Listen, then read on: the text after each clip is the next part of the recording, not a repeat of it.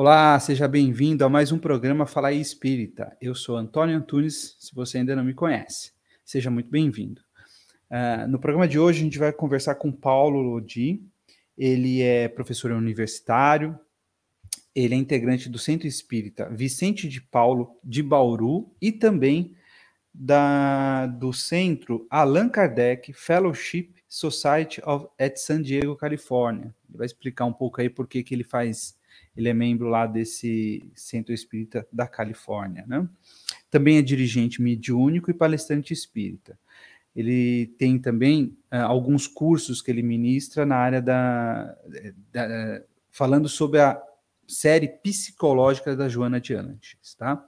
Antes da gente chamar o Paulo aqui para nosso bate-papo, vamos lembrar aí para os recadinhos iniciais, né? Então, uh, gostaria de pedir para você se inscrever aqui no canal se você ainda não é inscrito, deixar o seu like no vídeo se você gostar do vídeo, isso é importante para que uh, o vídeo ganhe relevância e chegue para mais pessoas através do YouTube. Uh, ative o sininho para que você seja, notificado a cada programa que for publicado. E também, uh, se você gostar da, das nossas conversas aqui, pegue o link ou do canal ou do programa que você gostou e compartilhe nos seus grupos de WhatsApp e também nas suas redes sociais, tá bom? Por, uh, por fim, se por algum acaso você quiser ouvir este programa, este programa também está disponível em todos os agregadores de podcast. Então você pode procurar lá, Fala aí Espírita, no Spotify, no agregador do Google, da Apple, tá? Então, vê a melhor forma que você quiser assistir o nosso programa. O importante é você assistir, tá bom? Então vamos lá, vamos bater um papo com o Paulo aqui. Olá, Paulo, seja bem-vindo. Olá, Antônio, boa noite, boa noite a todos. É uma alegria, agradeço muito pelo convite, né? Estou muito feliz de estar aqui para a gente bater esse papo. Eu que agradeço, poxa, muito, muito bom. Antes da gente, a primeira, a primeira, eu falo para todo mundo, né, que eu sempre começo o, o, o programa com duas perguntas que são as perguntas mais difíceis que você vai responder. Que é qual a sua idade e de que cidade você é, né? Qual cidade você nasceu? Ah, legal. Ah, Antônio, eu tenho 49 anos de idade, né? Sou jovem ainda, como espírito. e eu sou natural de Soledade, do Rio Grande do Sul. Né? Uhum. Mas desde pequeno, é, logo cedo, meu pai, porque trabalhava em construção de barragens, né? então é, a gente teve que se mudar, assim, é, várias vezes, né? Então, eu morei no Rio Grande do Sul, morei no Paraná, morei em Goiás, morei em Minas, morei no Amazonas, São Paulo, né? Então, eu tenho aí um pouco de sotaque mineiro com paulista. e atualmente eu resido na cidade de Bauru, no estado de São Paulo. E você viveu em diversas cidades e mas assim, a sua infância você passou viajando, pass morando cada ano em uma cidade, ou você tem algum local específico que você passou a maior parte na, da sua infância? Ah, sim. Eu, eu passei, acho que a maior parte da minha infância mesmo, ali até os 12, dos 5 aos 12 anos de idade, em Minas Gerais, em Araguari, tá. Né, que é a cidade do, do, Jamiro dos Santos. Não sei se você conhece o Jamirim, é um palestrante espírita, escritor espírita, muito interessante, muito bacana, excelente pessoa, grande amigo. E, e depois dessa cidade, aí eu fui morar no Amazonas. Eu Nossa. morei lá no Amazonas, onde tinha uma, uma barragem sendo construída. Em 1984 a 1989, mais ou menos, eu fiquei lá. Então, a minha adolescência foi ali, né? Dos 12, mais ou menos, 17 anos. Então, duas fases muito interessantes da minha vida, né? Onde, é, por incrível que pareça, não tive nenhum contato com a doutrina espírita, né? Eu fui ter esse contato logo em seguida né, logo que eu saí é, lá do Amazonas para prestar vestibular, né, e começar a fazer faculdade, a minha vida acadêmica, foi aí que eu tive contato com a doutrina espírita, né, então, com 17 para 18 anos, mais ou menos. Hum. Então, os seus pais não são espíritas, ou não eram espíritas? Não, não. É, eu digo que meus pais hoje eles são espiritólicos, né? é, o, é, o, católico que, que acredita no espiritismo e que quando a coisa aperta acende uma vela, e quando aperta mais ainda aí vai para o centro espírita, pede oração ou algo do tipo, né? Mas isso é uma coisa muito legal, Antônio, porque a família da minha mãe, ela é muito católica, né? Uhum. Dois tios que são ministros de igreja. Então, eu cresci nesse ambiente muito católico. Minha mãe também, minha avó, meu pai, mais ou menos, né? Aquele católico não praticante, né? E eu quase fui coroinha ali também, porque eu participava muito da, da missa, da igreja, eu ia lá, né? Mas sempre com aquelas dúvidas, né? Sempre com aqueles questionamentos básicos, né? E, e aí eu fui é, a ovelha desgarrada, que quando teve contato com a doutrina, foi aquele, aquele susto, assim, na família, né? Eu, inclusive, eu tenho uma irmã que era muito católica, hoje considero ela mais espiritualista, mesmo ela sendo católica, mais espiritualista do que não propriamente espírita, ela, ela, acredita em muitas coisas, mas o berço dela é católico ainda, e, e é natural que seja assim, né? Sim. Então, acho que eu fui o abre-alas ali para colocar a sementinha do espiritismo em todos lá de casa, né? Então, hoje, minha irmã mais nova é espírita, é, inclusive o meu sobrinho não é batizado, e por aí vai, né? Então, a gente vai ganhando um pouco de, digamos assim, de, de coerência, de, de respaldo, né? até mesmo porque as pessoas vão percebendo, né, que o espiritismo não é isso que elas pensam, né, Antônio? Porque tem muito preconceito. Hoje está muito melhor, né? Sim. Mas se você pensar 20 anos atrás, existia muito preconceito a respeito da doutrina espírita. Hoje está muito bom, hoje está muito tranquilo, muito sereno, mas ainda existe uma dificuldade das pessoas entenderem que espiritismo e doutrina espírita é a mesma coisa e que nós somos cristãos apesar Sim. de acreditar na reencarnação, né? Eu já tive uma discussão com um conhecido meu e ele me ele, ele, ele, ele, ele quis me convencer que o espiritismo não era cristão. Eu falei, eu falei, tá bom, eu não vou discutir, porque não tenho que discutir, entendeu? Eu falei, é, tá bom, você acha que é isso, eu não vou, eu não vou discutir. né? Porque ele não, não é cristão. Exato, tá é por de uma fundamentação dogmática, teológica, que apregoa que é, qualquer doutrina que acredite na reencarnação não é cristã, porque, segundo os pais da igreja, segundo a teologia cristã, que na verdade é mais católica do que cristã, né? Uhum. É, Jesus não era reencarnacionista, a reencarnação é, é, um dogma que não foi incorporado, né? Mas se a gente estudar a fundo, e na doutrina a gente faz isso, né? a gente vê ali que os pais da igreja, né, como é, Porfírio, Eusébio, Orígenes, até próprio Santo Agostinho, uhum. eles eram reencarnacionistas, né? E aí, lá no século IV, quando houve a compilação dos textos sagrados da, da Bíblia, nós vemos ali é, São Jerônimo ali, deixando trechos que sugerem a reencarnação, né? Uhum. Como a, a transfiguração do Tabor, quando Jesus vai lá e conversa com Moisés e Elias, né? Como é assim? Conversa com os espíritos e fala de reencarnação, quando Nicodemos aborda Jesus e, e, vem aquela história do nascer de novo, né? Então tem várias passagens que, que sugerem a reencarnação vindo da boca de Jesus, né?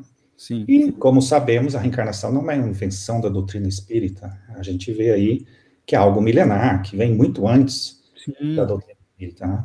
É, é eu tava, eu, eu, não sei aonde que eu ouvi, não sei se foi em algum papo que eu tive aqui, falando justamente que é, a quantidade de, de, pessoas no mundo que, que, são reencarnacionistas, não necessariamente espíritas, né? Porque existem outras ideologias religiosas que uhum. admitem o, o, próprio budismo, né? E outras que admitem o, é. a reencarnação, né? Sim, apesar de algumas filosofias orientais acreditarem na reencarnação com um viés voltado para a metempsicose, né? Que é aquela Isso coisa também.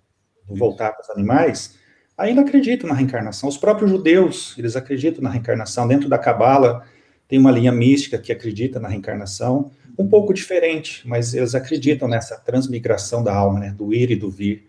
Então, é algo que eu penso que, ao longo do tempo, vai ser desmistificado, e todo mundo vai falar sobre reencarnação. Não vai ser algo que, que separa as opiniões, vai ser algo, provavelmente, que vai unir as religiões, né? Como é. o Emmanuel diz a respeito da doutrina espírita, né? que não será a religião do futuro, mas será o futuro das religiões, não que as outras religiões irão fazer como a gente faz, mas porque vai incorporar muitos conceitos, e um deles é a reencarnação, não tem como fugir disso, né, Antônio? O, o, e é legal você ver o, é, a, o conceito de reencarnação no, no, no ideal, no, no, no ideal popular, né? Qualquer, ah, qualquer coisa, ah, na próxima encarnação ou em outra encarnação, né? Nas brincadeiras se admite isso. É perfeito. É, tá no, no imaginário, no inconsciente coletivo das pessoas. Isso, isso é muito interessante, né? Porque mostra que, aliás, é, você falou em pesquisa, se, se você fizer uma pesquisa no, no meio católico, por exemplo, você vai achar ali que muitas pessoas são simpatizantes da reencarnação, acreditam realmente na reencarnação, né? apesar de serem católicos, né? Já nos evangélicos, a, a posição é um pouco mais rígida, então eles Sim. se apegam muito à letra do texto evangélico, gostam sempre de citar uma passagem de Paulo, onde Paulo diz que a vida é uma só, e após essa segue-se o juízo, né? Ora, mas a reencarnação não fala que, que, a vida seja muitas vidas, né? Existe uma interpretação errada aí, né, Antônio? A vida é uma só, a vida Sim. do espírito é uma só. Sim. O ir e vir para fora e dentro da carne é que são várias, né? Então, as experiências dentro e fora da carne é que são variadas, mas a vida é uma só. A vida do é. espírito é. é uma só, né? Então, ele vai, ele volta, ele vai, ele volta e, e vai lá, né? Então, questão de interpretação. Né? É. Deixa eu voltar um pouquinho. Você falou que então você teve a sua formação religiosa durante a sua infância e adolescência Sim. na religião católica. Você chegou Sim. a fazer é, crisma, foi batizado, ah, catequese, crisma, fez eu, tudo? Eu tenho a impressão que eu já protestei no meu batismo, não me lembro, mas devo ter protestado ali. ah, eu fui batizado, é, fiz primeira comunhão, frequentei catecismo, já ali no catecismo eu já tinha muitas dúvidas sobre os textos que eu estudava, porque é interessante, né, porque a, a gente, eu acho que já deve ter acontecido com você também, Antônio, a gente chega uma hora que a gente tem uma sede de conhecimento das coisas espirituais. Sim. Então ali no catecismo, eu acho que já foi despertada essa coisa em mim, e eu, eu queria saber algumas coisas, e alguns conceitos me incomodavam, quando falava Maria, mãe de Deus, eu falava, mãe de Deus, mas, mas não é mãe de Jesus, e aí, não, é a mesma coisa, e aí você ia estudar e, e aqueles textos confusos, aí você, eu perguntava para o padre, o padre me dava bronca, e eu já ficava meio sisudo. Aí eu fiz a primeira comunhão, depois eu fiz crisma, e, e aí foi. E, e, aí quando eu cheguei na faculdade ali, foi muito interessante, porque é, eu morava em República naquela época, e aí um amigo meu de República me deu um livro para ler, e o livro era o Evangelho segundo o Espiritismo, uma versão da, da FEB que eu tenho guardado até hoje. Foi o primeiro livro que eu li, espírita. E eu comecei a ler o Evangelho e eu falei assim, nossa, isso aqui é perfeito, né? Mas ao mesmo tempo eu pensava assim, inatingível, né? ninguém faz isso. Eu falava, isso aqui é muito legal, muito interessante, muito bacana. Então, eu concordava em tudo com Allan Kardec. Eu já achava que era parceiro dele de escrita, né? E eu falava, nossa, isso aqui é muito legal, muito interessante, mas e aquilo me chamou a atenção para estudar um pouco mais da doutrina espírita. Uhum. Porque eu não sabia muito bem o que, que, era. Eu tinha ouvido falar, eu sabia quem era Chico Xavier. Uh, e aí, olha que interessante, morei perto dele. Né, Do Chico? É, quando era criança, e não fui lá. Eu tive a oportunidade de ir lá depois adulto. Fui três vezes visitar o Chico, tive a grata satisfação de pegar na mão dele, de dar um beijo na mão dele, e aí muitos vão falar, ah, isso é ritual, isso a idolatria, não importa, né? Uhum. Você está ali diante de uma pessoa que, que fez muito pelo Brasil, muito. assim, consolou muitos corações, é, eu dou um beijo na mão dele por, por, carinho, por agradecimento, por tudo que ele fez, não por idolatria, né? Por, estar ali presente, né? Então, quando eu tive contato com a doutrina, foi mais ou menos nessa época de faculdade, que a gente está amadurecendo, está despertando, e eu tinha, tive sempre um senso muito prático racional, assim, pragmático, que eu fiz engenharia. Hum. Então, eu lia aquelas coisas, eu falava assim, não, isso aqui não, isso aqui não existe, isso aqui não, não é possível, né? E aí, na época, como ah, o acaso não existe, né, Antônio, eu comecei a namorar uma, uma menina lá da cidade, né, uhum. minha primeira namorada, assim, e, e ela frequentava o centro espírita, né? Uhum. Então, e ela falou, vamos ao centro espírita? E aquilo ali me deu um medo, né? Eu falei, que isso? Não, onde Vou chegar lá, vai ter um monte de gente incorporando. É. e aí eu falei assim, ah, vamos, né? Fazer o quê? Né? Qualquer coisa, a gente sai correndo de lá. e aí foi muito interessante, porque quando eu fui ao centro espírita, aí todo aquela, aquele preconceito que a gente ouve falar dentro de casa e dos amigos e familiares tal, caiu por terra, porque Era um local muito tranquilo, muito sereno. E aí, logo de cara, na porta do centro espírita, assim, Antônio, eu uh, tinha um professor meu, uhum. é, recepcionando as pessoas. Quando eu olhei ele, assim, meu coração já acalmou. Falei, nossa. É professor da faculdade? Da faculdade, é. Uhum. Eu falei, meu professor está aqui, e ele era uma pessoa muito serena, muito tranquila, assim. E eu falei, bom, se ele está aqui, deve ser bom, né? Porque ele é uma pessoa muito correta. E de fato, né? Depois se tornou um grande amigo meu, né? E, uh, e aí eu entrei e lá dentro eu encontrei outras pessoas né, importantes da cidade, promotor, juiz, é, outros professores, pessoas do dia a dia que eu via assim e sabia que elas eram bastante idôneas. Aquilo ali já me acalmou. Falei, bom, qual cidade, cidade que era? Ilha Solteira. Ilha Solteira, no interior de São Paulo. Ah, Fica tá. ali é, perto de Araçatuba né, é, e, Rio, e, São José do Rio Preto. Tá, Bem tá. interior mesmo, assim, divisa com, com Mato Grosso do Sul. Ah, e lá tem uma unidade da Unesp, né, da Universidade Estadual Paulista, e foi muito interessante, porque aí eu gostei. Gostei tanto que comecei a frequentar mais do que a minha namorada na época, né? E, e, me apaixonei. E aí tinha uma livraria lá, e o grande atrativo do Centro Espírita é a livraria, né? Claro, além de outras coisas, mas para quem está chegando. E aí eu olhava aqueles livros, eu ficava curioso, eu queria saber, e eu perguntava, aí vem aquela coisa, né? Então, é, calma, menino. Leia as obras básicas primeiro, depois você vai nos outros. E aí foi construindo, assim, aos pouquinhos, Antônio, a minha, digamos, a minha formação espírita. Então, estudei muito, estudei no, no próprio Centro Espírita, que que tinha uma formação, digamos assim, ortodoxa, né, que você precisa estudar bastante antes de abrir a boca para fazer palestra, o que não uhum. acontece muito hoje em dia, né, porque tem uma coisa interessante aqui, você é da área do direito, talvez você concorde comigo, fique à vontade para discordar. Hoje em dia as pessoas confundem, confundem muito informação com conhecimento. São duas coisas totalmente distintas. A informação está aí na internet. Se você der um Google agora, e buscar por Hippolyte Leão Denizar Rivaio, mesmo não sabendo quem é, o Google vai te falar quem é. Mas se eu falar quem é Hippolyte Leão Denizar Rivaio para uma pessoa, sem a internet por perto, ela não sabe quem é. Então ela vai ter que procurar. E a informação ela está solta, mas para que a informação vire conhecimento, você precisa de amadurecimento, você precisa de experiência. Né? Então, para ter conhecimento espírita, você precisa do concurso do tempo. Então, a informação está lá. Não é porque você lê o livro dos Espíritos que você se torna um doutor em Espiritismo. Muito, muito ao contrário. Eu estou aí há mais de 30 anos estudando, dando curso, e toda vez que eu abro o livro dos Espíritos e leio determinada questão, e deve acontecer com você e com muitos outros, a gente olha aquela questão diferente. A gente fala, nossa, eu não tinha prestado atenção na profundidade da pergunta e da resposta. Hum. Né? Então a gente vai amadurecendo e vai conquistando esse conhecimento que, claro, é, perto dos espíritos superiores, é muito pálido ainda. Né? Sim, sim. É muito, digamos assim, infantil, porque penso que na espiritualidade a gente vai abarcar muito mais desse conhecimento espírita, né? Então foi esse o processo, Antônio. Eu fui e agradeço sempre a Deus porque eu entrei numa casa muito bem conceituada. O centro se chama Cé a Luz, Centro Espírita Amor e Luz, de Ilha Solteira. Aprendi muito, estudei muito lá. Todas as pessoas que me orientaram lá eram pessoas muito bem esclarecidas, muito bem equilibradas, idôneas.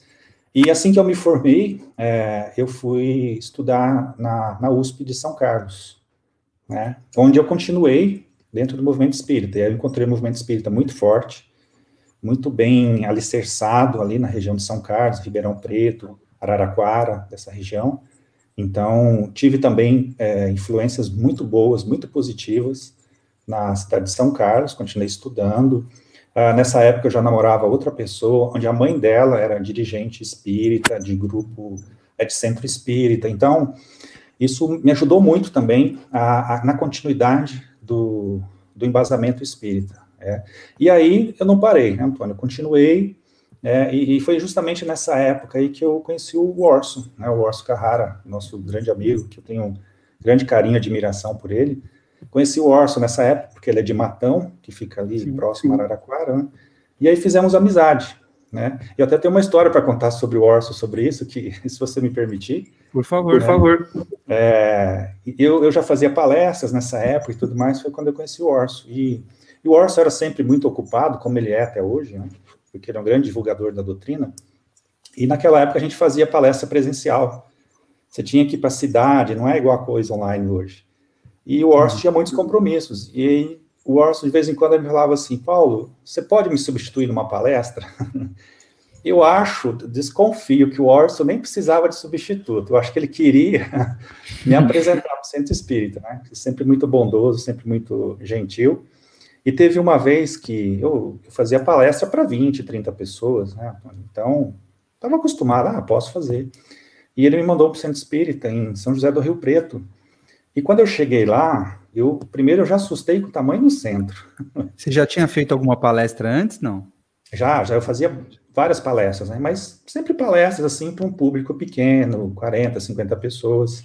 Tá. E quando eu cheguei em São José do Rio Preto, eu me deparei com um centro imenso. Não me recordo agora o nome do centro, né?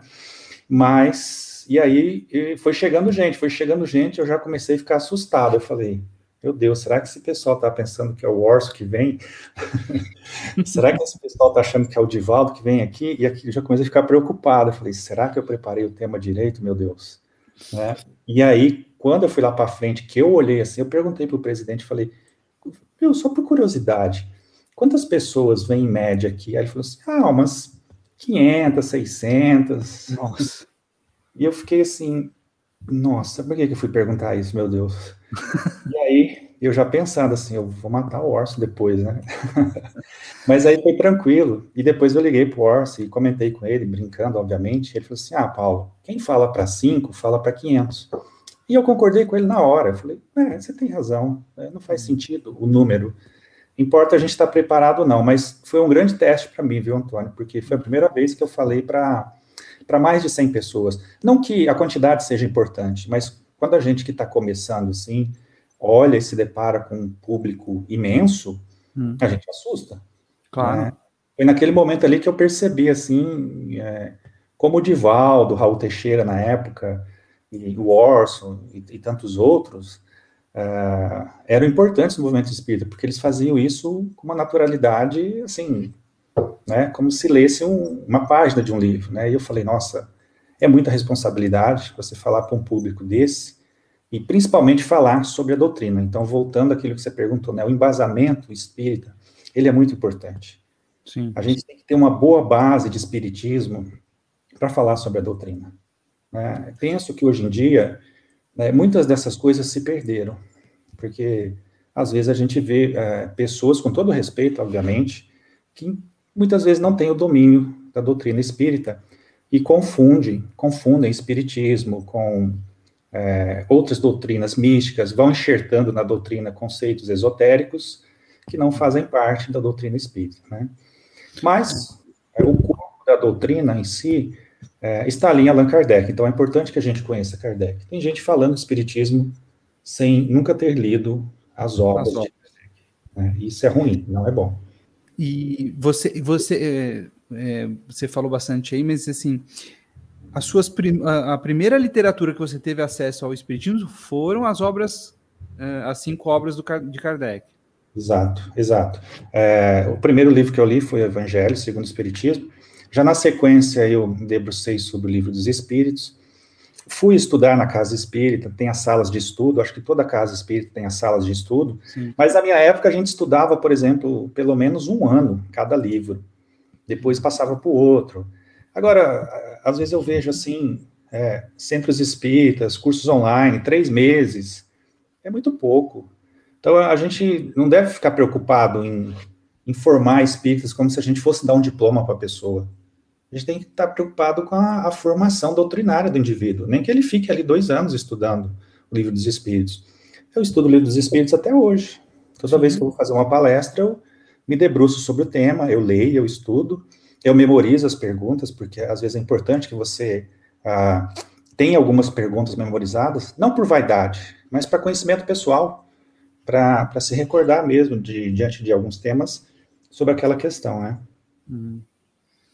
E, e, depois, porque assim, eu, por exemplo, eu comecei a minha leitura espírita com romance. E eu sempre falo para muita gente, tem muita gente que tem dificuldade de ter acesso, é, de, começar a ler já uma alguma obra da codificação, porque ela é realmente muito densa, tem muita informação ali e tal. Uhum. Então eu sempre falo, olha, se tem dificuldade de começar a compreender, vai para uma para uma para um romance, né? Eu comecei com o romance da Zíbia, que eu acho que é né?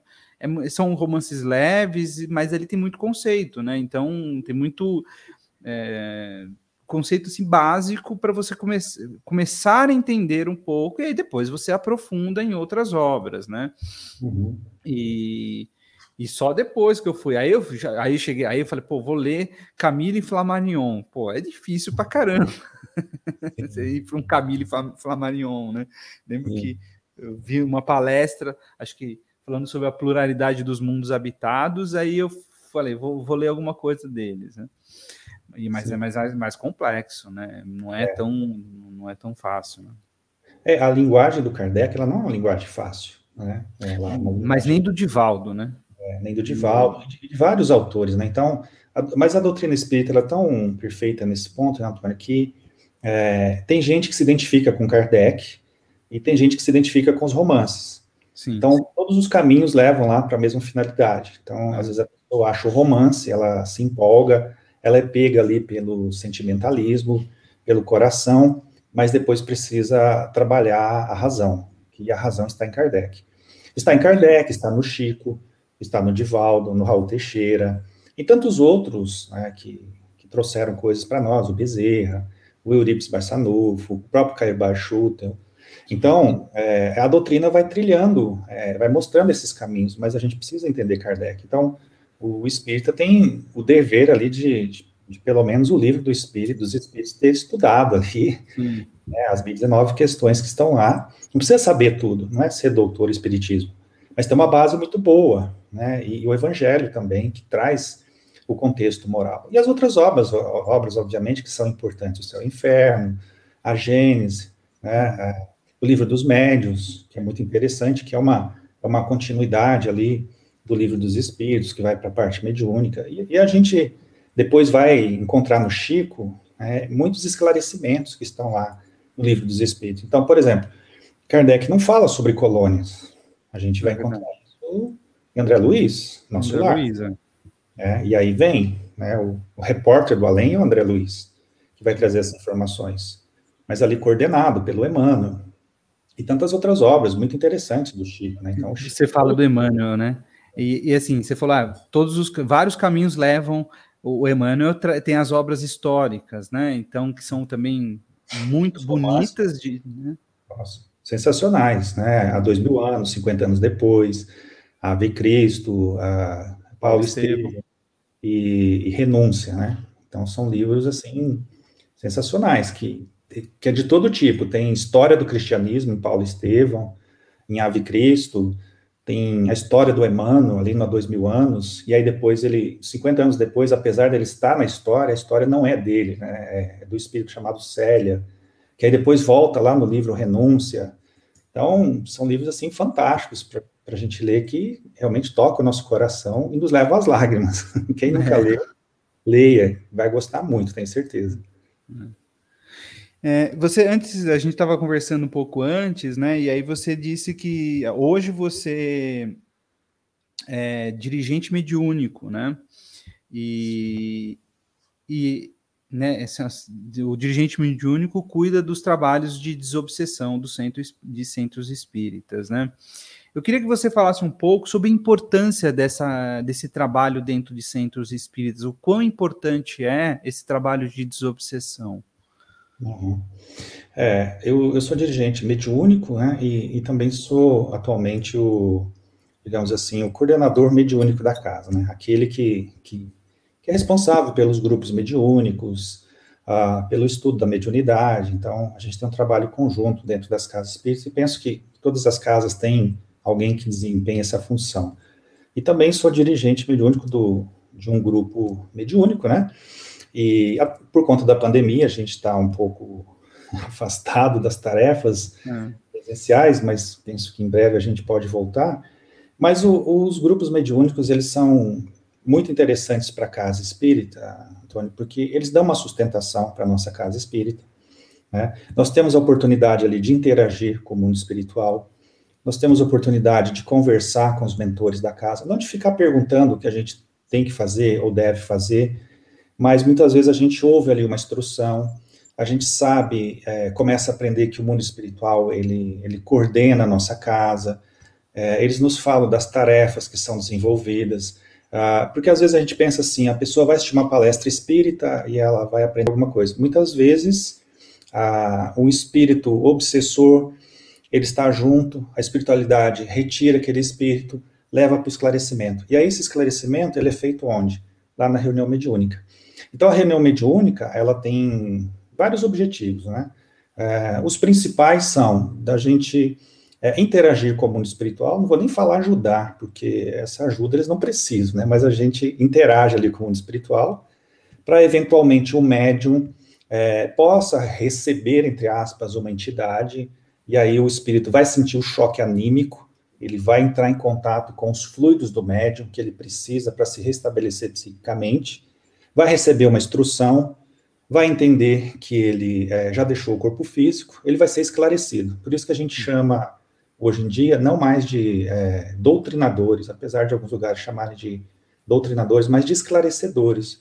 Porque a gente vai esclarecer o espírito, que ele já não possui mais o corpo físico, que eventualmente ele está no mundo espiritual, que é para ele se perceber, e aí a gente esclarece o espírito, e também tem essa parte de é, recebermos ali os espíritos obsessores, né, que, que não são espíritos muito amistosos. Uhum. Eles já chegam é, jurando morte para todo mundo, principalmente para o dirigente do grupo. Eu já fui uhum. jurado de morte um milhão de vezes por esses espíritos que que falam que vão me pegar, que vão pegar minha família, que, que estão de olho em mim, que eles sabem o que eu faço, para onde eu vou.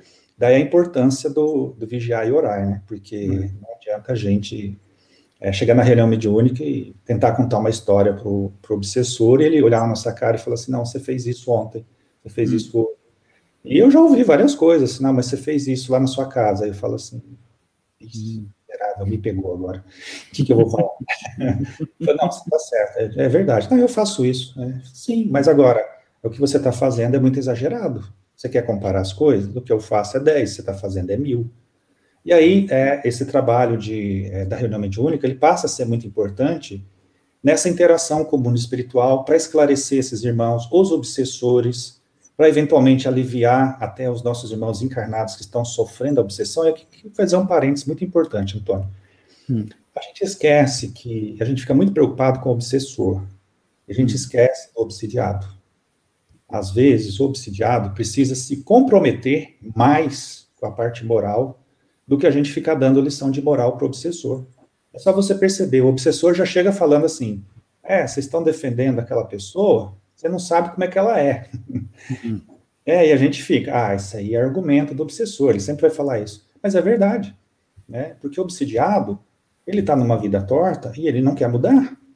Você pede para ele assistir a palestra, ele nem aparece. Você pede para ele fazer o evangelho, ele não está nem aí. Então ele não se compromete também. Né? E aí, às vezes, o obsessor tem razão. Então a gente fica muito preocupado com o obsessor e esquece do obsidiado, que aí ele precisa ter um cuidado maior, ele precisa ser vigilante, ele precisa se engajar. Ó, você quer ajuda? Você precisa se ajudar também.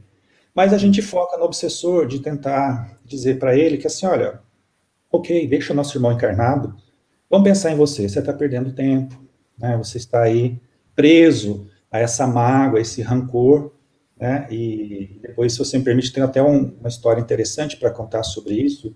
Por favor. Que, e o, o obsessor, ele tem sempre uma história que é difícil para o esclarecedor se desvincular, né? Ele sempre fala assim: você não sabe o que ele me fez em outra vida. Hum. E aí ele começa a relatar, né? Porque nessa vida ele fez isso, ele fez isso, ele fez isso e tal, e, e, e a, às vezes a história é realmente muito dura. Ele, ele me matou, ele matou a minha família, ele roubou meu dinheiro, eu tô aqui e eu vou fazer com que ele se mate, eu vou ficar até que ele, é, às vezes já induziu até a pessoa ao alcoolismo, a depressão, e está ali a um passo realmente de fazer com que a pessoa se suicide. Então ele usa esse argumento, e é um argumento difícil de você rebater, porque claro. É, a gente entende a dor, mas aí a gente não pode, aqui vai as, né, as digamos assim, as espertezas, né, a, experiência da, do esclarecimento, né? A gente não pode ficar naquele jogo, Antônio, perdoe. Uma vez eu falei isso para um espírito. Uhum. Ele virou para mim e falou assim: Ah, não, mais um para encher meu saco. Ah, não, não quero. De novo, ah, esse negócio do perdão. Você sabe quantas vezes eu já vi o perdão essa semana? Uhum. Aí eu parei, aí eu falei: Poxa, realmente você tem razão. É, eu acho que no seu lugar eu ficaria do mesmo jeito, né? E aí a gente precisa começar a mudar um pouco essa questão. Claro, vamos falar sobre o perdão. Mas na hora ali, eu acho que muitos esclarecedores, acho que até o Tivaldo já falou sobre isso, veio uma intuição muito forte, assim, Antônio, de é, mostre para ele o que ele fez para passar por isso. Ou seja, fale sobre a lei de causa e efeito. Né? Porque na hora do esclarecimento, assim, geralmente eu fico muito intuído. Então, nessa hora veio essa intuição, porque ele realmente não estava perdoando aquele caso difícil de solução, e eu, eu até comentei com ele, falei, nossa, no seu lugar, né, eu provavelmente estaria do mesmo jeito. E aí ele até assustou, ele falou assim, então você concorda comigo? Eu falei assim, é, eu, eu concordo, não é que eu concorde, eu te entendo. Eu, é eu compreendo, eu compreendo a sua posição. Exatamente, eu te entendo, eu sei por que, que você está fazendo isso, e muito provavelmente no seu lugar, talvez eu fizesse a mesma coisa. Mas você está é, atrapalhando a sua evolução, você está perdendo tempo, porque a, a lei de justiça é de Deus. E aí ele dá aquela gargalhada e fala: ah, que Deus, Deus não, não existe. Isso é muito engraçado, né? Porque uhum. ele está no mundo espiritual, ele está vendo a coisa e é como uma fuga psicológica. Ah, Deus não existe, não existe justiça, a gente que tem que fazer justiça. E aí veio essa intuição de eu falar com ele, né? Falei, bom, é, então vamos falar de justiça? Eu, eu, eu sei que a justiça, ela existe, é, existe uma lei de causa e efeito. E se você passou por isso, muito provavelmente você fez por merecer. E aí ele gargalhou e falou, claro que não, você está maluco. Eu falei assim, bom, você permite que a gente investigue o seu passado? De alguma forma? Ele falou assim, eu permito, pode olhar, eu tenho a consciência tranquila. Todo mundo tem a consciência tranquila, é algo impressionante, né? E eu falei, então tudo bem. E aí eu comecei a fazer a indução hipnótica nele. Hum. Assim, então, vamos lá, exatamente numa existência sua, onde eclodiu esse problema com esse espírito. Hum. E aí ele me conta, ah, eu estou vendo uma tela que está abrindo aqui na minha frente, e eu estou vendo aqui um lugar e tal. Aí ele parou de falar. Ele falou assim, não, não, não, não, não acredito, não, não é possível. Esse sou eu? Não, você está colocando essa imagem na minha cabeça. Eu falei, eu não estou colocando nada. Eu nem sei o que, que você está vendo. E ele, eu estou vendo aqui uma existência onde. Aí ele parou, começou a chorar. Hum. Ele disse assim: eu matei a família dele. Eu roubei ah, os bens. Hum. E aí ele voltou e ficou parado por um tempo. Eu falei: então, meu irmão, agora você está compreendendo por que, por que, que te aconteceu isso?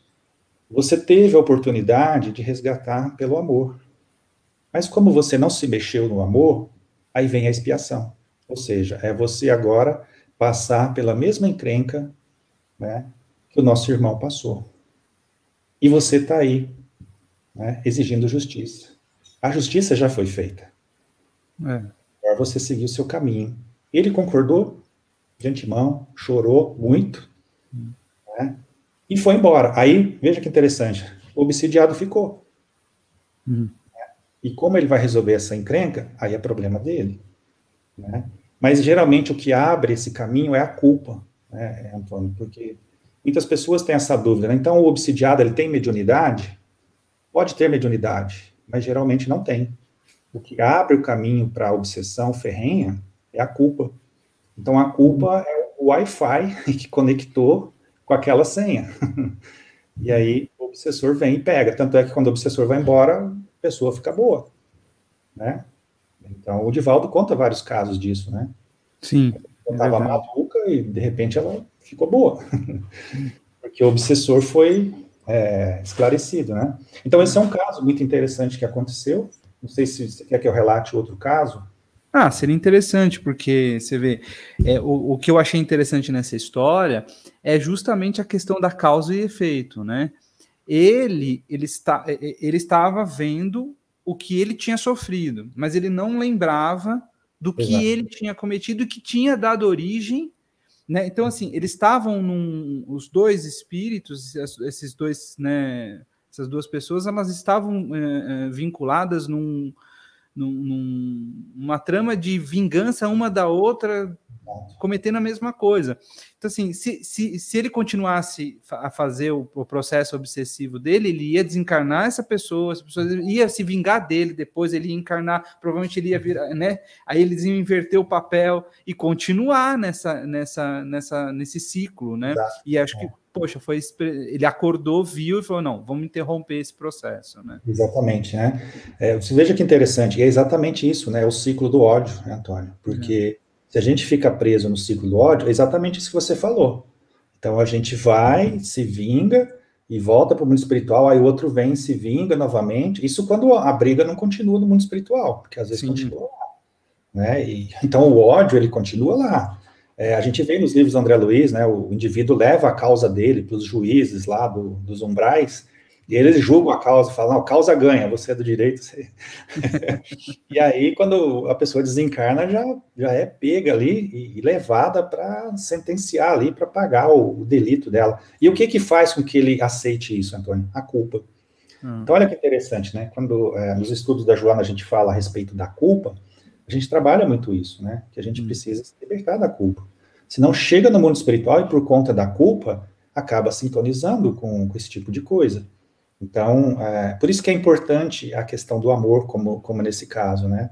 No esclarecimento, olha, como você não seguiu lá a recomendação do Pedro, que o amor cobre a multidão de pecados, uh, e você não se tornou alguém melhor, a expiação ela te pega. E é assim hum. que é o nosso karma, né? Se a gente não se encaixa na lei do amor, né, a gente vai aprender da pior maneira, que é pelo meio do sofrimento. Né? Como a Joana diante disse, quando o amor se afasta, a dor se apresenta.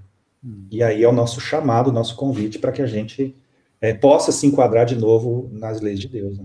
Né? Você disse que você falou que ia contar um outro caso. Ah, sim, o outro caso foi muito interessante. Assim, são, são, vários casos interessantes, vou contar os que eu lembro agora. É, outro que eu até comentei inicialmente com você, que foi o caso de uma vez eu estava esclarecendo um espírito, um espírito muito difícil também, muito inteligente. Então, tudo que eu falava, ele rebatia. Né?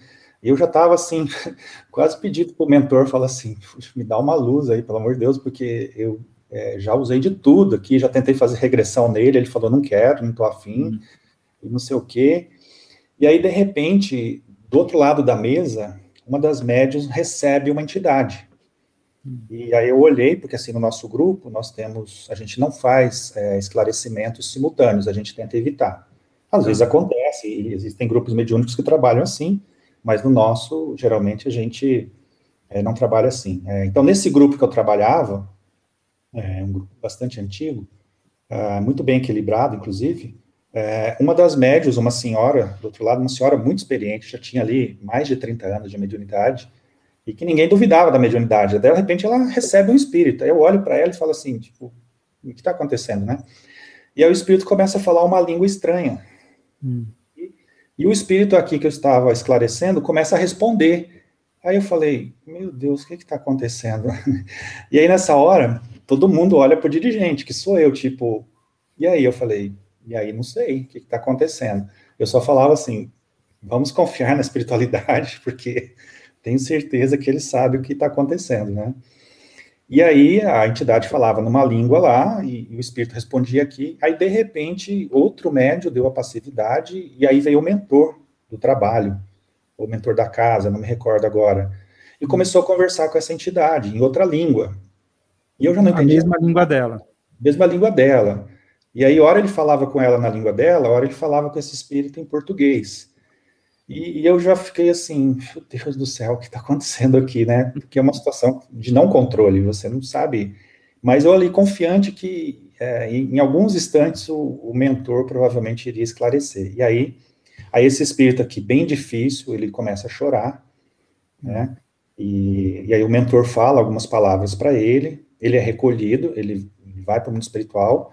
Aquele espírito que falava em outra língua também sai, E aí o mentor conversa comigo, com a gente, fala assim: olha, o que aconteceu foi o seguinte: a mãe desse espírito aqui, ela foi trazida para conversar com ele, porque ele só quebraria esse gelo, essa dureza de coração, na presença da mãe, que é muito querida para ele.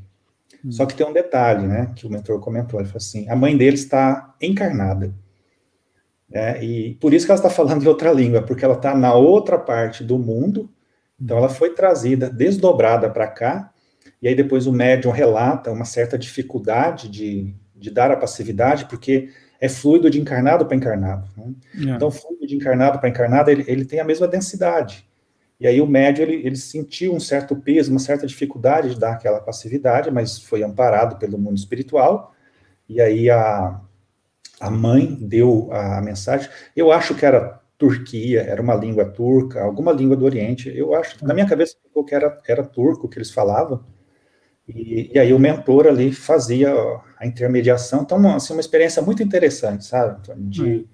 de, de receber um espírito encarnado, que era a mãe do espírito que estava desencarnado, ou seja, ela já estava encarnada, é, dando continuidade no seu projeto de evolução, e ele estava no mundo espiritual. Então, foi possível trazer a mãe ali, como acontece no livro Libertação, né, a gente vê que o espírito Gregório, ele só, entre aspas, se rende é, com a mãe dele, né, quando ele percebe que a mãe dele está ali é, por trás de todo o processo de libertação dele. Então foi, foi uma experiência muito interessante, assim, já aconteceram várias, né, é, muito é, estranhas também, digamos assim, né. É, Tem alguma situação, alguma situação engraçada que você acha interessante? Engraçada, é, engraçada não, mas uma vez veio um espírito que ele contava piadas. Isso foi interessante, porque ele, ele, ele deu a passividade e ele era muito jocoso, você percebia assim. Eu tinha a impressão que era o Ari Toledo ali dando comunicação, porque ele era muito sagaz, assim, muito inteligente. ele e falava assim: Ah, é, vocês conhecem aquela piada? Não eram piadas de, de mau gosto, ou, ou indecentes, ou preconceituosas, nada disso. Uhum. Eram piadas engraçadas. Né? Ah, você sabe, é, assim, é, como não sei o que, não sei o que na roça. Aí ele falava, e aí, uma hora uma médium riu, deu uma uhum. risada.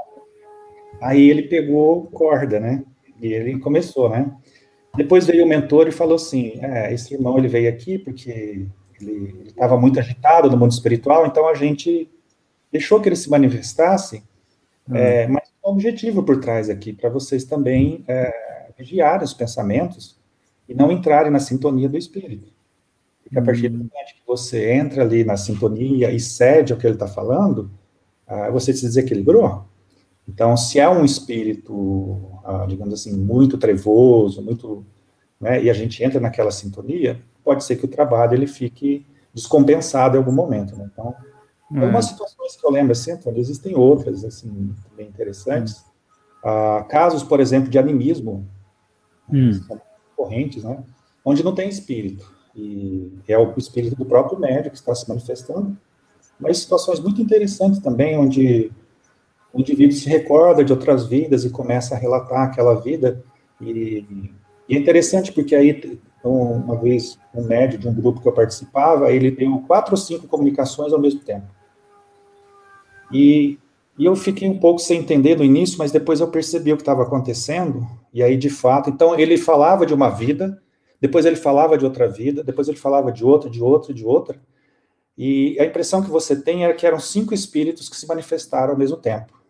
E aí depois veio o mentor e falou assim, é, esse irmão estava no processo anímico, fazendo uma catarse das várias existências dele, porque existem coisas que estão mal é, resolvidas aí no seu psiquismo que ele precisa trabalhar. Então é interessante que se recomende para ele uma terapia para que ele possa trabalhar isso com o terapeuta. Né? Então, olha, olha, você me fez a pergunta lá atrás a respeito da importância do harmônico. Então a gente vai percebendo que é, é uma ajuda muito grande aos encarnados, principalmente. Sim. Né? Porque a gente vai se disciplinando, a gente vai aprendendo, né, Antônio? E tem uma coisa que eu acho muito interessante, que às vezes a gente não percebe, Antônio, que é assim, ó, o médium, quando ele dá a passividade, ele recebe ali todo o psiquismo do espírito. Então, Por exemplo, se é um homicida, ele vai sentir muitas vezes todo o arrependimento daquele homicida de ter cometido um crime. Se é uma mãe que partiu é, e deixou seu filho, vai sentir ali toda a dor, todo aquele apego ainda da mãe que partiu antes. Se é um filho, um suicida que se matou ou algo parecido, o médio tem a oportunidade de sentir toda a dor e às vezes a culpa daquele espírito. Olha que experiência fantástica para o médium, né? De sentir e deve ser uma experiência difícil também, né? Difícil, sim, por isso que precisa de disciplina, de, de educação mediúnica. Mas aí é interessante, porque o médium, aí ele não precisa passar pela mesma coisa para desenvolver a compaixão. Vai verdade. Então, ele já desenvolve a alteridade, naturalmente, que é reconhecer o outro, ele desenvolve empatia, mas no trabalho mediúnico ele tem a oportunidade de trabalhar a compaixão.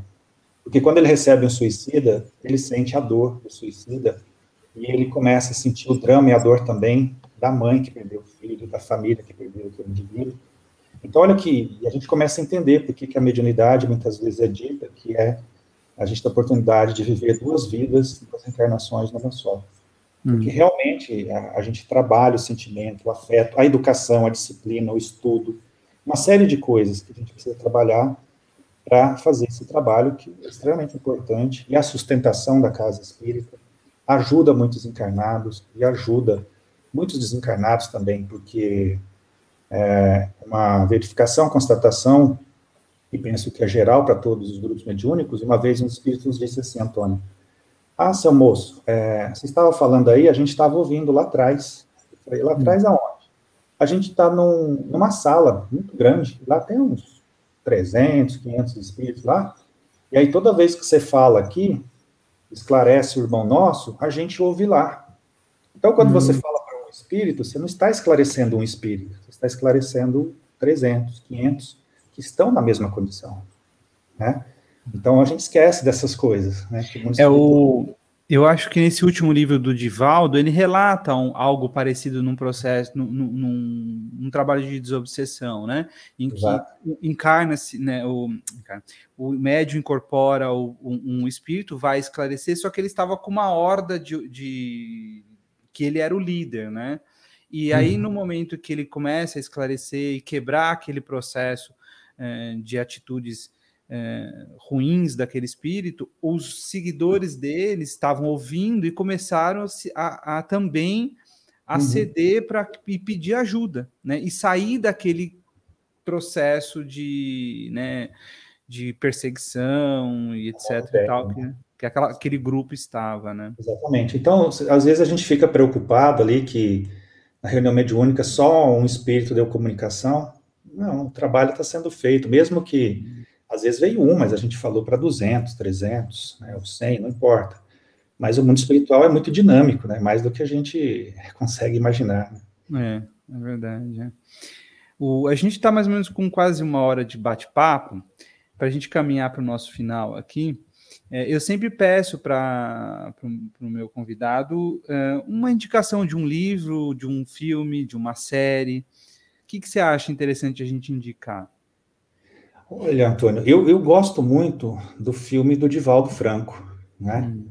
O Mensageiro da Paz. Então, se eu pudesse indicar um filme, eu indicaria esse filme, né? É claro, tem tantos outros aí do Chico, o próprio Nosso Sim. Lar. Né? É, tem um filme que eu gosto bastante do Robin Williams que se chama Amor Além da Vida. Amor Além da Vida. É um Legal. filme da década de 90, se eu não me engano. É, isso, não sei se é 80, 90, acho que na transição é. ali. É. Mas um livro, um filme, perdão, muito interessante. E livro, uh, eu, eu gosto muito dos livros da Joana de Anjos, né? Então, se eu pudesse indicar algum livro, assim, eu indicaria algum livro da Joana de Anjos. Eu, eu gosto de, dos livros da série psicológica, né? Então, é, são 16 livros. Hum. Mas para quem, assim, é, está começando, para não ficar muito preso em conceito, talvez o livro que se chame Amor, Imbatível Amor, que fala sobre o amor. É um livro muito interessante. Para quem quiser estudar um pouco mais sobre autoconhecimento, tem um livro dela que se chama Autodescobrimento, uma busca interior, né, que é um livro muito bom. Então, seriam dois livros assim que eu recomendaria da Joana, de tantos outros, né? É, mas para que nesse momento que a gente está vivendo aqui de, de de pandemia, é importante que a gente se recorde e pense sobre o amor. Então, um livro que fala sobre conceituação do amor, ela é, faz uma, uma, uma observação ali sobre o mandamento de amar a Deus, ao próximo como a ti mesmo, é, relembrando ali é, o Deuteronômio, o Levíticos, né, que isso já estava escrito lá, e aí ela faz uma proposta sobre é, esse ensinamento de como a gente trabalhar esse amor a Deus e ao próximo, começando pela gente mesmo. Então ela fala sobre o alto amor. E a gente precisa do alto amor, né? Porque a gente não vai amar ninguém se a gente não se amar primeiro, Antônio. Então é algo muito interessante da gente perceber no viés psicológico, né? Então ela, ela comenta sobre isso, que a gente precisa se amar primeiro, né? E a gente se amar passa por se conhecer, entender as nossas encrencas, as nossas dificuldades, porque aí a gente se conhecendo, entendendo de onde vem a nossa raiva, nossa tristeza, os nossos medos, as nossas inseguranças, a gente começa a ver o nosso irmão em caminhada assim mesmo, como irmão, que tem as mesmas encrencas que a gente tem, né? E aí a gente vai fazendo um exercício é, de, de compaixão, e aí, é, diz ela, e a gente vai percebendo Deus no outro, Deus nas coisas, na folha que cai, né, nas coisas que a gente não presta atenção, né? Você mora em São Paulo, você sabe disso. A vida é muito corrida. A gente não para, a gente não respira, né? Até que às vezes a vida faz um convite para a gente parar. Aí a é. importância da tristeza, né? Quando a tristeza chega, é para a gente olhar para dentro. A, a, pandemia faz esse convite. Já que está ruim para ir lá para fora, vai para dentro. Ir para dentro, é um desafio muito grande para todos nós, porque ir para dentro faz com que a gente é, tenha que encarar as nossas sombras, os nossos complexos, as nossas dificuldades. Ir para dentro de casa, às vezes, é um desafio, porque a gente vai ter que encarar a nossa família, a gente vai ter que olhar a nossa vida, porque a gente não quer olhar a nossa vida. Então, muitas pessoas se refugiavam na casa espírita a pretexto de trabalhadores do bem, do servo do Cristo e tal, aí a pandemia fala assim, deixa o centro um pouquinho de lado, vamos nos refugiar dentro da nossa casa, porque tem um ditado oriental que diz isso, né, Antônio? É, antes de querer salvar o mundo, dê três voltas dentro de casa. Hum. Né? Então, a gente precisa olhar o amor ao próximo, ao próximo que está mais próximo da gente. Né? Eu sempre falo assim, que às vezes a gente interpreta errado esse amor ao próximo. A pessoa fala assim, eu não, não consigo amar esse aqui próximo. Próximo, o próximo. Não é esse amor ao próximo, não é esse. Né? É. é amor ao nosso semelhante. Mas, de novo, né? Essa é uma é algo que a gente vai trabalhando aos poucos, é um processo. E por isso a, a série psicológica é tão interessante, porque ela nos hum. mostra isso. A Joana tem uma frase sensacional que eu gosto, Antônio, que é assim, ela diz, antes da gente buscar a, a santidade, é importante que a gente se humanize primeiro, ou seja, seja humano, reconheça as suas dificuldades, os seus erros, as suas limitações, é, mas não pare aí, não caia em culpa. Né? Cansou, descanse, né? mas não desista. Cada dia basta o seu mal e prossegue. Né? Uhum. Então, são reflexões muito interessantes que a série psicológica traz para a gente e vai nos mostrando é, como é possível a gente ser feliz, ainda que relativamente, e desenvolver o amor, né? o amor por nós, e aí o amor pelo nosso semelhante como uma consequência. Olha que interessante isso.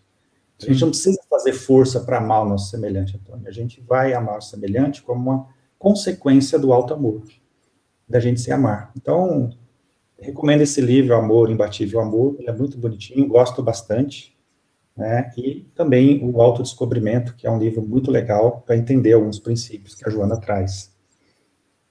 Interessante, né? Você, você falou duas coisas aí: o, o, o amor, o alto amor para você aprender a amar o próximo, e a questão de não adianta você querer mudar o mundo se você se a sua casa está desarrumada, né? E aí eu lembrei do Jordan Peterson, que ele tem lá no tem um livro que ele que é as 12 regras para vidas, e uma dessas regras é, entendeu? Arrume o seu quarto. Né? Como você vai querer arrumar o mundo se o seu quarto está desarrumado, né? Exatamente. Ele recebe muitas críticas, né, por conta dessa fala dele, né? Hum. Mas faz todo sentido do mundo. Faz todo sentido. Hum. Né? Hoje, o jovem, hoje em dia, ele está muito iludido com as coisas da internet, que, que do ponto de vista psicológico é, é, muito compreensível, né, Antônio? Porque é muito mais fácil eu é, apoiar uma ONG, uma causa das crianças lá do Sudão, hum. do que eu arregaçar as mangas e ajudar, por exemplo, a favela aqui do lado do meu bairro. Ou, ou nem isso, ou então é, você acertar as diferenças com a sua mãe, com o seu irmão, Sim. né? O seu filho, né? É. Não é? Pequenas noções de disciplina, né? Que é isso, né? Ah, comece arrumando o seu quarto. Antes de é. querer salvar o mundo, comece arrumando a sua cama, arrumando o seu quarto. Né? E, e é exatamente isso. São pequenas noções de responsabilidade que nos habilitam depois para tarefas maiores. Né? Como o Emmanuel fala para o Chico, né? Você precisa de três coisas para trabalhar comigo.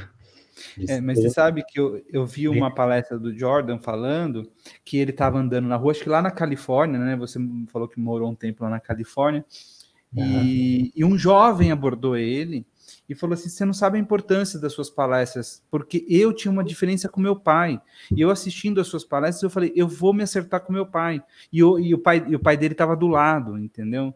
E era justamente isso, né? Eu falei: Olha.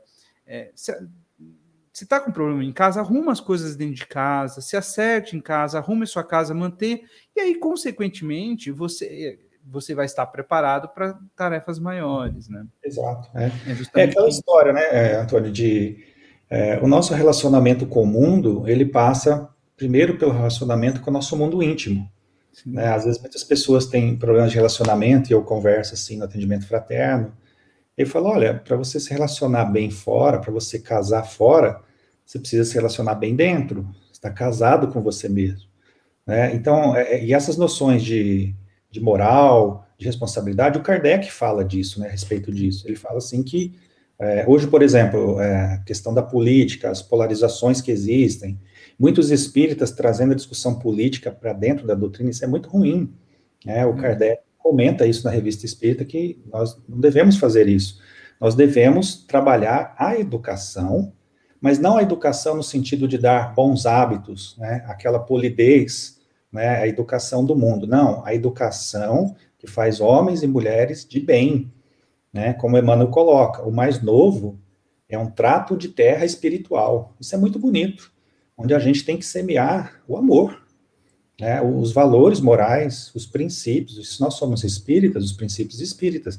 Eu até brinco no centro espírita, Antônio, eu digo que filho de espírita não pode ter livre-arbítrio até os 18 anos. você tem que falar, você vai para a evangelização, você vai para a mocidade. Eu não quero, não existe essa palavra, eu não quero. Não, não quero. Essa palavra não foi cunhada ainda no seu vocabulário, ela só vai ser cunhada a partir.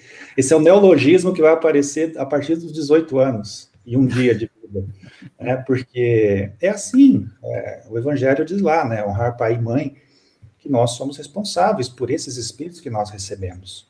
Então, muitos pais né, estão negligenciando é, essa missão, está escrito lá, realmente é uma missão no livro dos Espíritos, no Evangelho, que a gente precisa ali aparar as arestas desses espíritos que vêm, e alguns não precisam, alguns já são espíritos muito conscientes, por isso que a gente ouve na doutrina isso, né? Que se a gente está é, dando a mesma educação para os nossos filhos do mesmo jeito, a gente está errando com eles, porque cada um é diferente. Tem é. um que você precisa apertar um pouco mais, é. tem outro que não precisa, e tem outro que você precisa chegar junto mesmo, né? porque se deixar, põe fogo na casa, né? É. Então é isso. É verdade. Bom, Paulo, foi muito bom conversar contigo. A gente falou bastante coisa aqui. Eu agradeço aí pela novamente pela oportunidade. Legal, Antônio, eu que agradeço, né? Estou à disposição, se precisar falar de espiritismo, a gente precisa de muitas horas, porque são é. assuntos infinitos. A gente pode ir por uma vertente, por outra, né? Agradeço muito a gentileza, espero que possa ser útil de alguma maneira às pessoas. Muito obrigado, viu? Eu que agradeço. Até logo.